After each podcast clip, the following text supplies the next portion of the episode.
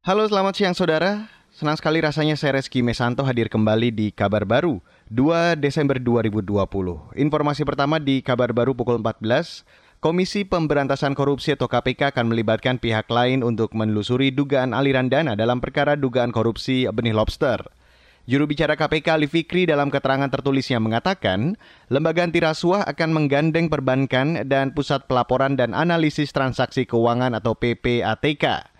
Kata dia, KPK akan menelusuri dan mengembangkan lebih lanjut keterangan para saksi yang akan dipanggil. Sebelumnya, KPK menetapkan dan menahan Menteri KKP Edi Prabowo sebagai tersangka kasus ekspor benur.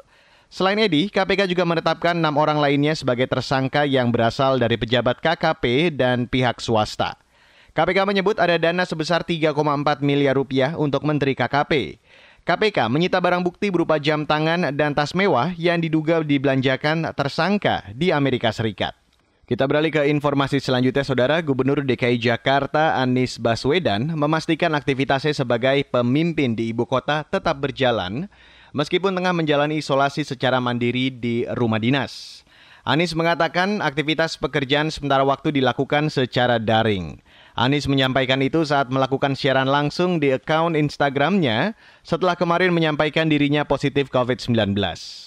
Mulai exercise, olahraga. Jadi olahraga ringan, eh, stretching, kemudian jogging sedikit, ya semuanya dikerjakan di arena taman yang ada di sini. Lalu hari ini rencananya ada kegiatan Vicon, jadi pagi ini sudah mulai urusan-urusan kantor, tadi kita cek beberapa, terus akan Vicon nanti siang juga ada uh, rapat, jadi kegiatan terus uh, jalan.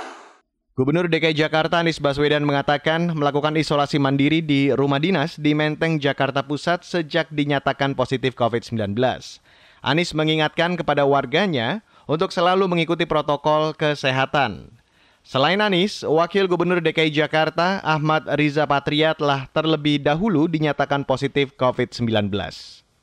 Kita ke Amerika Serikat, Saudara. Amerika Serikat bersiap mengimunisasi vaksin COVID-19 bagi tenaga medisnya. Direktur Pusat Nasional untuk Imunisasi dan Penyakit Pernafasan CDC Nancy Messioner mengatakan, sebagian besar wilayah diperkirakan sudah memvaksinasi dalam tiga pekan ini.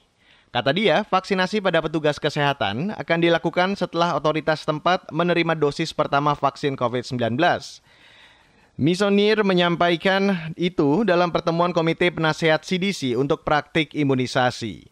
Presentasi CDC yang dirilis pada pertemuan itu memperkirakan akan ada sekitar 40 juta dosis vaksin COVID-19 yang tersedia pada akhir Desember. Presentasi itu juga memperlihatkan perkiraan hingga 10 juta dosis bisa dikirim per pekan setelah vaksin disetujui oleh regulator.